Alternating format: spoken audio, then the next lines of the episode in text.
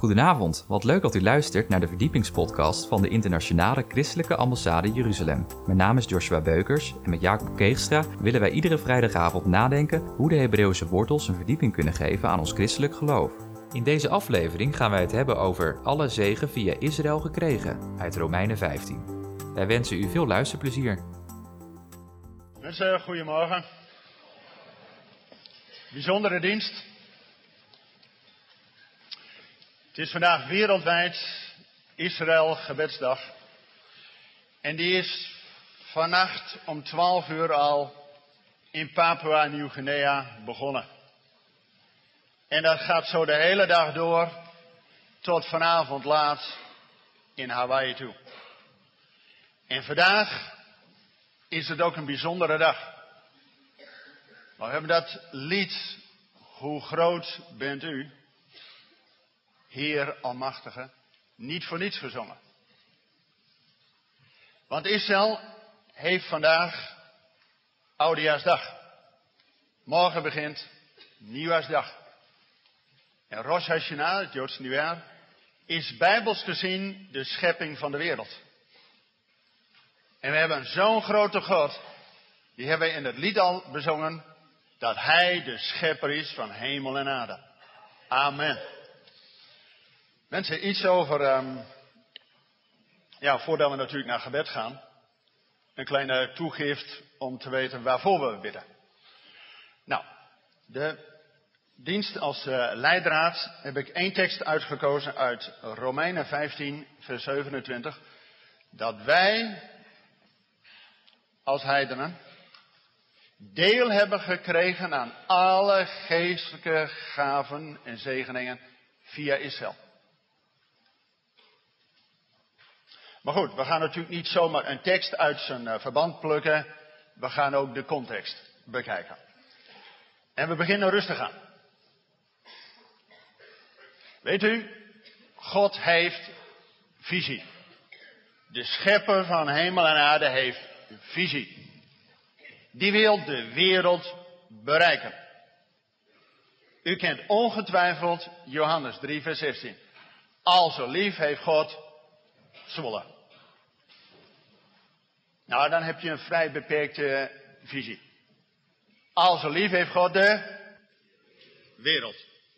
En om die wereld te bereiken, gebruikt God het evangelie. Dat bent u met me eens?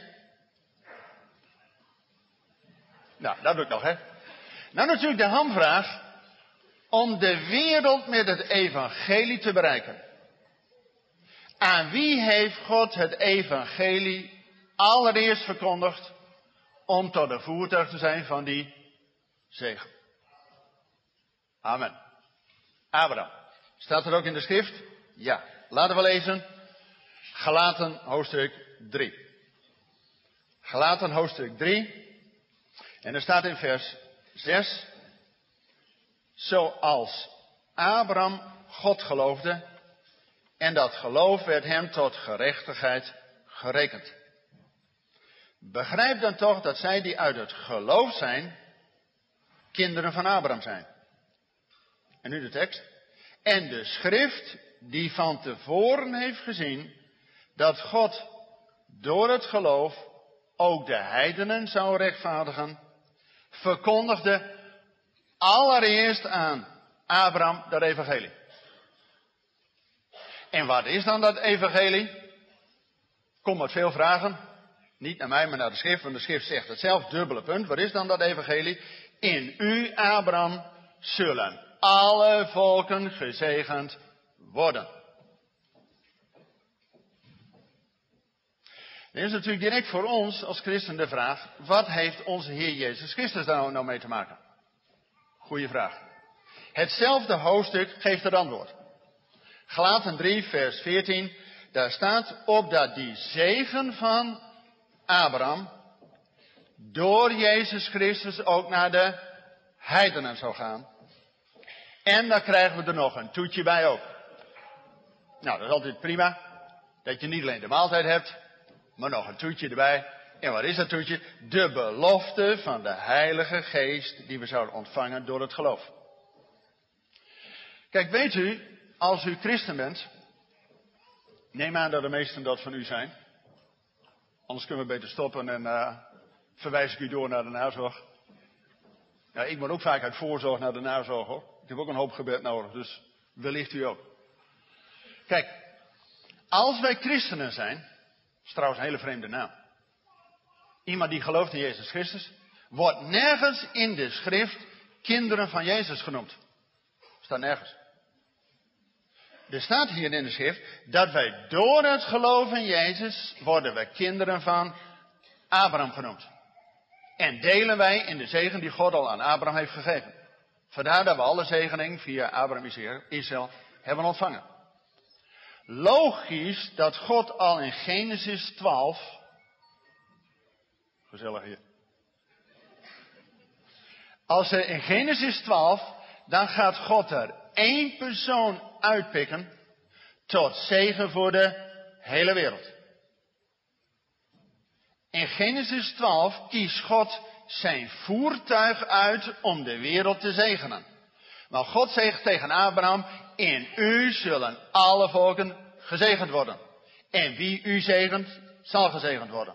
Maar ook de tegenhang, wie u vervloekt, zal vervloekt worden. Nou, dat hebben we gewoon gezien in de geschiedenis.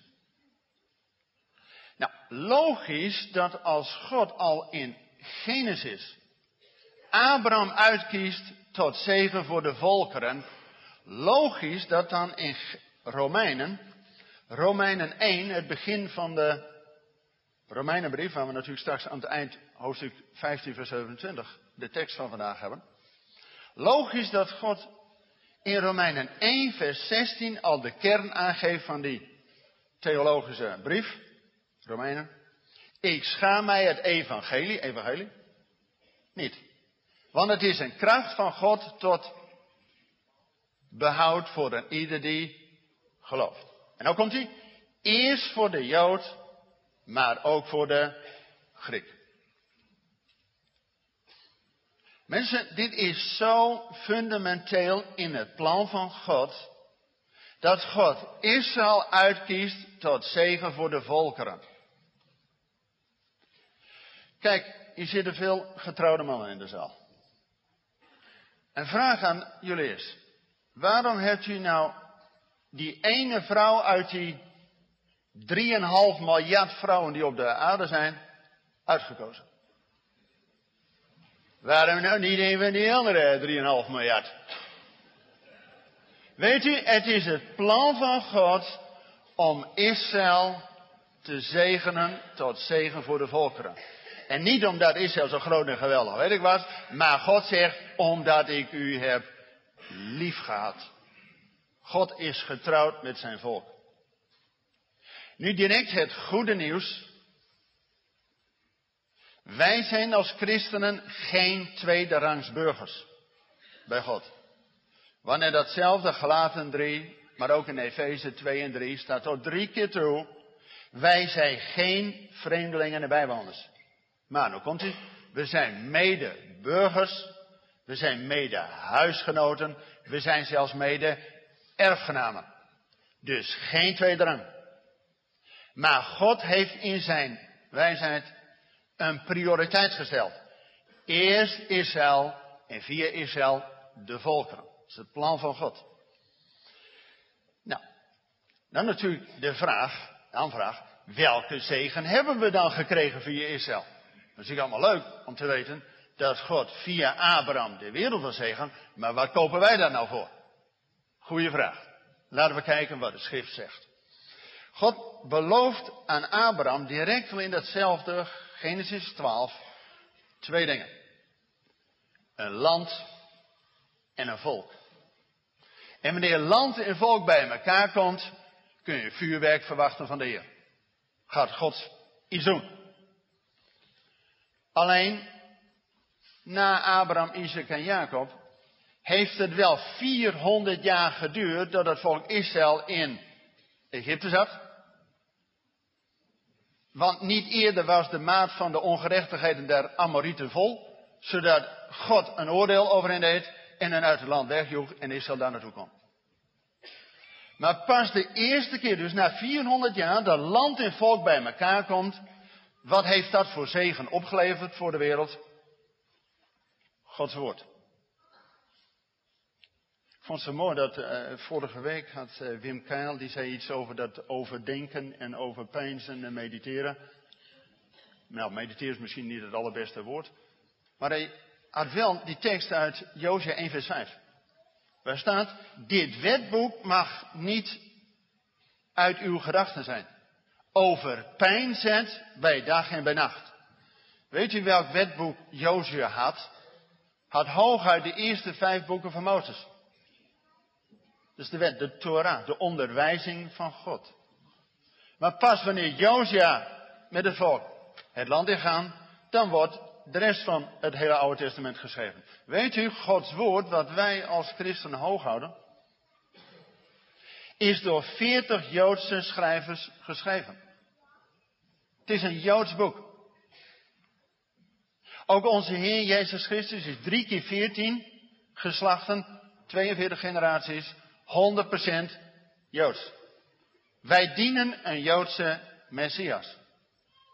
Zelfs als hij voor ons aan het kruis hing, wat stond boven het kruis? Jezus van Nazareth, koning der Joden.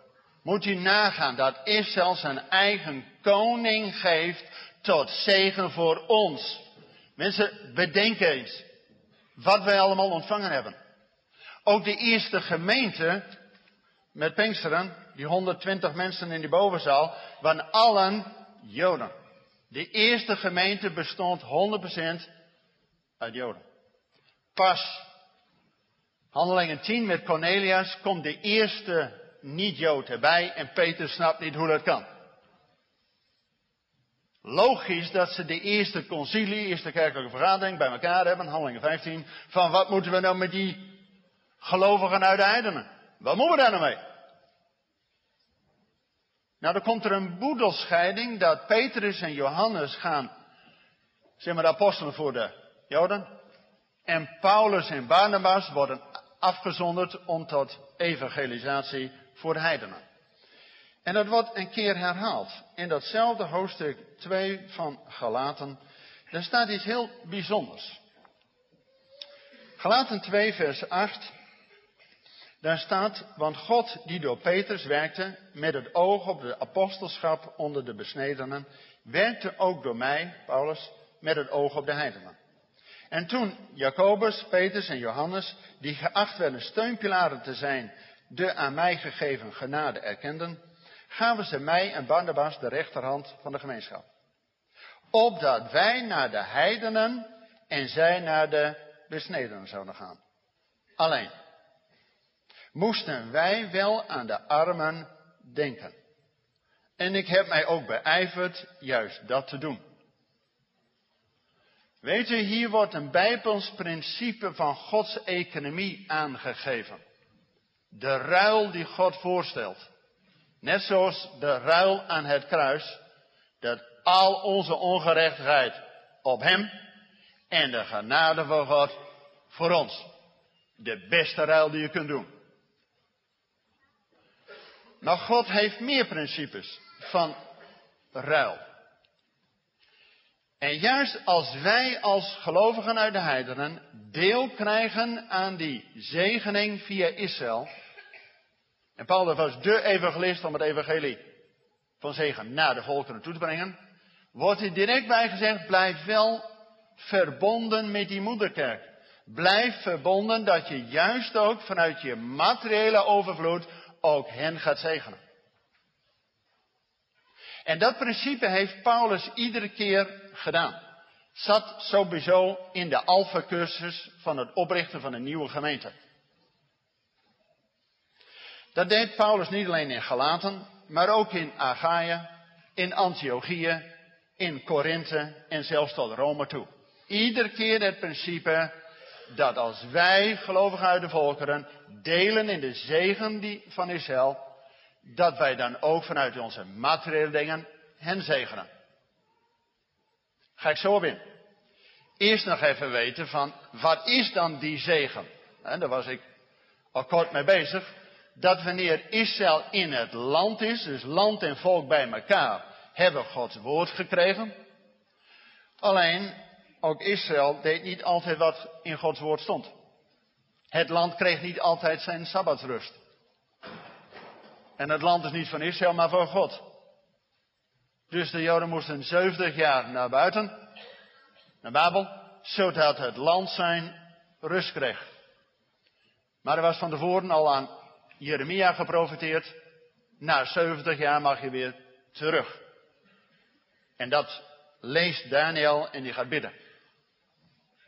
En dan komen ze na 70 jaar terug. En wanneer het land en het volk voor de tweede keer bij elkaar komt, zien we een vervolg. De eerste keer kregen we Gods woord. De tweede keer toen Israël in het land was, kregen we Gods zoon en Gods geest. Dus alle zegen die wij nodig hebben om tot geloof te komen, Gods woord, Gods zoon en Gods geest, hebben we gekregen toen Israël in het land was. Nu Israël voor de derde en de laatste keer volgens de schrift in het land is, wat kunnen we nu verwachten? Welk volgend heilsfeit staat eraan te komen? De wederkomst. En dat gaat in een aantal fases. Daar is Israël een sleutelpositie in. En wij als gelovigen hoort in het plan van God daarin mee te doen. Gaan we op in. Maar goed, om die zegen nog wat verder uit te werken, van wat hebben we dan allemaal door geloof via Israël ontvangen? Laten we kijken wat de schrift zegt. In Romeinen hoofdstuk 9 staat een aantal zegeningen die Israël ontvangen heeft en die wij via Israël door hebben gekregen. Wat staat er? Lees er met me mee. Romeinen hoofdstuk 9. Ik spreek de waarheid in Christus. Ik lieg niet. Hallo Wat is dit nou? We geloven toch dat de Bijbel geïnspireerd is door de Heilige Geest. Dat hij van kaf tot kaf tot betrouwbaar is. Ja. Maar blijkbaar wil Paulus hier iets extra benadrukken. Ik spreek de waarheid in Christus.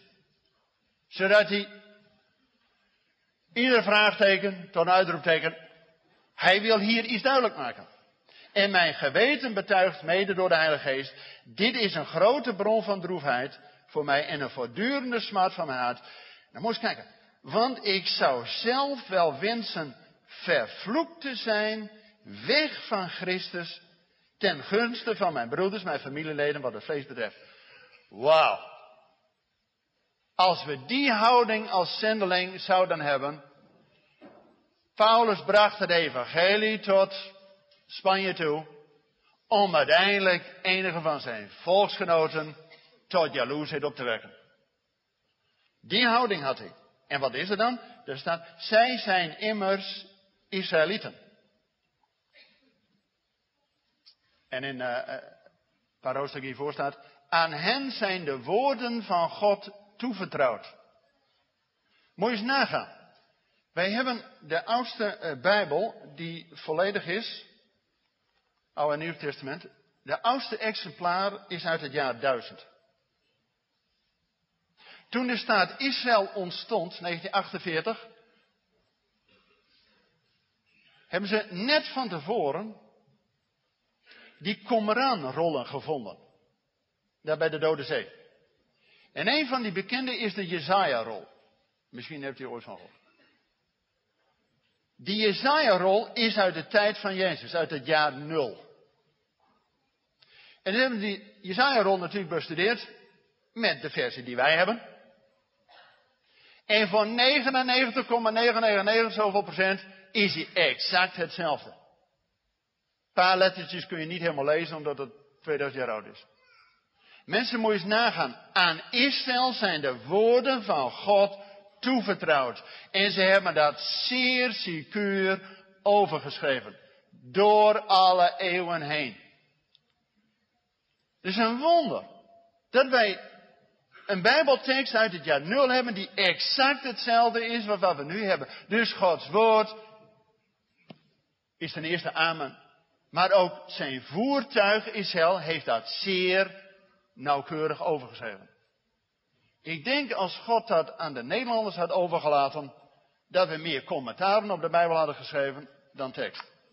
Ik weet het niet, maar ik heb zo'n vermoeden. En er staat in Romeinen 9 nog iets. Zij zijn de aanneming tot kinderen. Wauw. Dat begon al bij de uittocht met Pesach uit Egypte. Dat God zijn volk bevrijd, verlost en aangenomen heeft tot kinderen. Dat wij dan in het Nieuwe Testament ook lezen, allen die hem aangenomen hebben, heeft hij macht gegeven kinderen van God te worden. Maar dat begint bij Israël. En later ook voor ons. En voor hen zijn, is de heerlijkheid. Wauw, wat is dat? De heerlijkheid. Dat is die Shekinah glorie die met hen meeging. Die wolkolom en die vuurkolom. Die vuurkolom die hun overlichtte welke weg zij moesten gaan. En die wolkolom die achter hen was. Zodat die farao gewoon helemaal niks zag. Dat was de bescherming. En de rots die met hem meeging was de Christus. Jezus was aanwezig. Dus en als later die tempel wordt ingewijd met koning Salomo, dan staat er dat de heerlijkheid van God, die Shekinah glorie, die daalde neer. En de priesters konden geen dienst meer doen vanwege de heerlijkheid van God. Mensen. Eh, eh, eh, ja, zangteam, jullie willen natuurlijk graag uit je dag gaan, maar op een gegeven moment ga je gewoon plat. Wanneer de heerlijkheid van God over ons komt. Jongens, dat is aanbidding. Dat de Heilige Geest het overneemt en dan gaan wij plat. En wij niks meer in te brengen. Dan God, gaat Gods geest doen. Dus die heerlijkheid van God, die is al al in die tabernakelaat. En van hen zijn de verbonden. Dat God verbond met Abraham. Om tot zegen te zijn voor de volkeren. Verbond met Mozes om de richtlijnen van het leven in Gods koninkrijk. En het verbond van David, dat er eenmaal een zoon op die troon gaat zitten en die zal koning der koningen en heer der heren. Hier al als banier neergezet. Via hen gekregen. Van hen is de wetgeving. Weet u dat de, de, de, de wetten wereldwijd, als je een beetje een stabiele samenleving wil hebben, dan moet je niet stelen.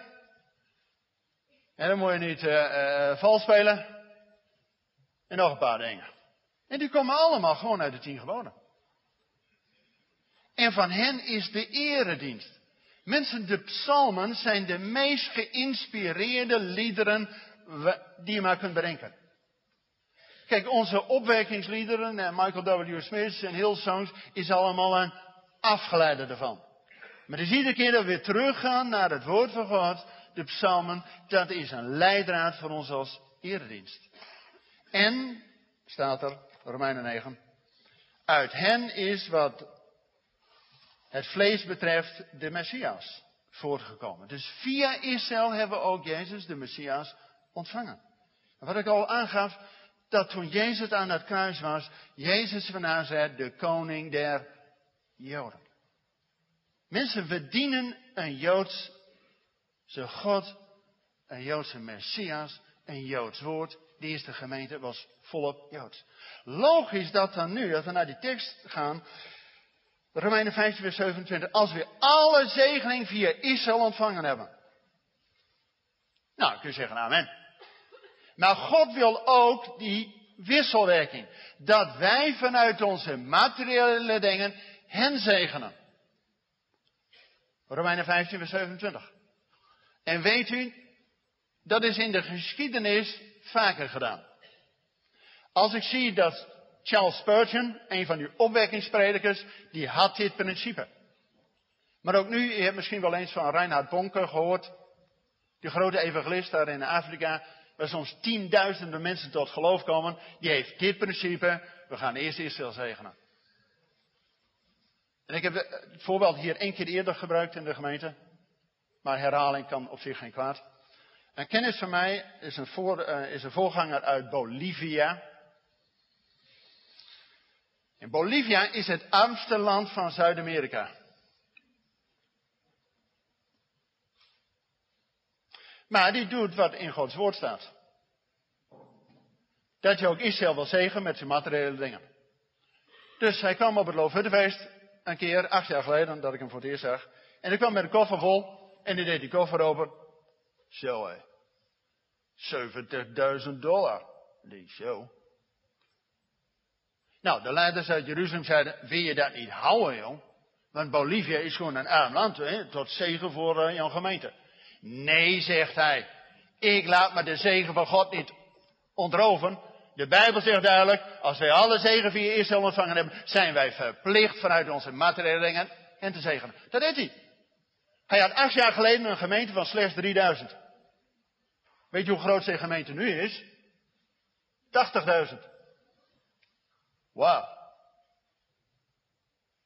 Mensen, Paulus geeft ons ook een handreiking om rustig aan dat te doen. Hij geeft in 2 Korinthe 8, geeft hij aan, die gemeente in Antiochië, daar was zelfs hongersnood. Maar ondanks hun armoede gaven ze toch rijkelijk voor de armen in Jeruzalem.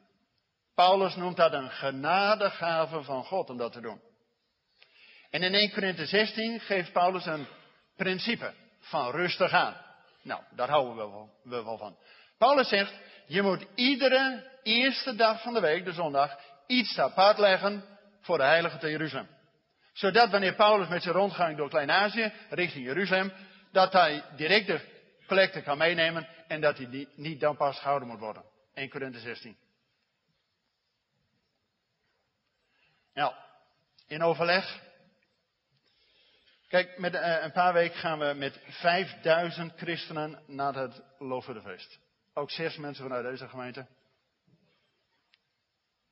En weet u, in de Bijbel staat, Deuteronomie 16, dat je drie keer per jaar voor het aangezicht van de Heer komt. Met Pasen, Pinkster en Loofhuttenfeest. Jammer dat u dat allergrootste feest niet kent.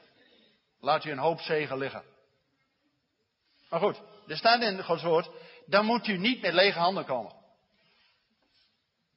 Weet u, we hebben in overleg twee projecten uitgekozen om juist ook naar de armen en de arme kinderen in Jeruzalem tot zegen te zijn.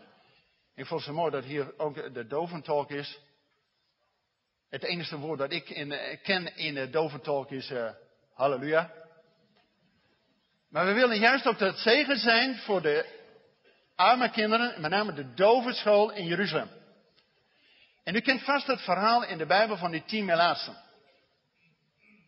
Die komen bij Jezus. En Jezus zendt u gewoon naar de priester. Maar die moest checken of ze gezond zijn. En gaandeweg worden ze genezen. U kent dat verhaal. En er komt er één terug om Jezus te bedanken. En dat was een Samaritaan. Want als ze ziek zijn, dan maakt het blijkbaar niet uit. Of als je Jood of Samaritaan bent. Zo is ook op die dovenschool in Jeruzalem. Waar kinderen uit Joodse en Arabische uh, gezinnen bij elkaar komen. Want blijkbaar als ze ziek zijn, maakt het niet uit. Als wij juist als christelijke willen werken aan de verzoening tussen Jood en Arabier, begint dat vaak heel kleinschalig. Want weet u, als wij al die zegening via Israël ontvangen hebben, dan zegt de Bijbel, Romeinen 11, dat wij hen tot jaloersheid moeten brengen. Nou, dat hebben we de laatste 2000 jaar kerkgeschiedenis niet gedaan. Als je de kruistochten, de inquisitie, de pogroms en het dieptepunt de holocaust in dat christelijke Europa, dan kun je het vergeten dat je een boodschap hebt dat God liefde is. Hou je handel maar. En dan moet ik Israël helaas gelijk geven. Dus als wij barrières willen opruimen, en willen dat wij samen met Israël uitzien naar die grote dag dat Jezus weerkomt. En gaat staan op de olijfberg en zijn voeten op de olijfberg en hij gaat zitten op de troon van zijn vader David. Dan zal hij niet alleen koning van Israël zijn, maar koning over de ganse aarde. Maar tot die tijd hebben wij een roeping. Dat wij die de geest al ontvangen hebben, belofte van de geest, dat we ook bidden dat Gods geest ook over hen gaat komen. Zodat de machtig leven van Godlovers, Juda betekent Godlover, dat ze ons voorgaan in de lofprijzing. En dat wij samen uitzien naar die grote dag. En weet u dat wij hen tot jaloersheid mogen brengen, is onder andere door dit soort projecten dat we doen wat de schrift zegt. Als we al die zegeningen ontvangen hebben, dan willen wij ook vanuit onze dankbaarheid hen iets geven. Bedankt voor het luisteren naar deze verdiepingspodcast van de ICEJ. Waardeert u onze podcast? Steun ons dan met een donatie, abonneer u of deel deze podcast met uw vrienden of familie. Ga naar www.icej.nl. Volgende week gaan wij het hebben over de parasha en hij verscheen uit Genesis 18. Hartelijk bedankt voor het luisteren en tot volgende week.